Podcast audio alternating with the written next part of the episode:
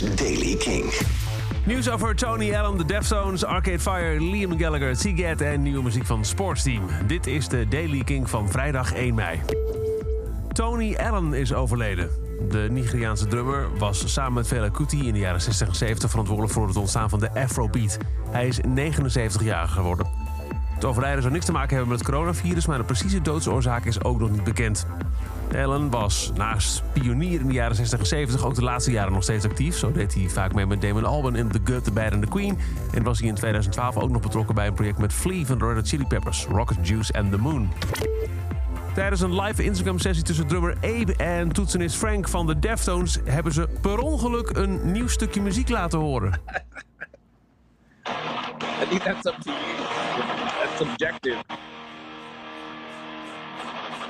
Oh shit, that's our new shit. Oh shit, that's our new shit. Nou ja, prima. Dan is deze Instagram-sessie nog wat waard. Eh, bij andere, met andere woorden, nieuwe muziek van de Deftones is in de maak.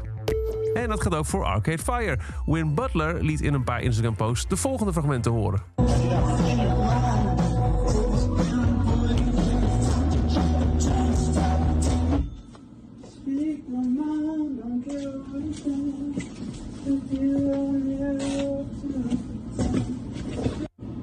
Feel your line overbearing boyfriends. Time to jump the turnstile. Take me to my true friends.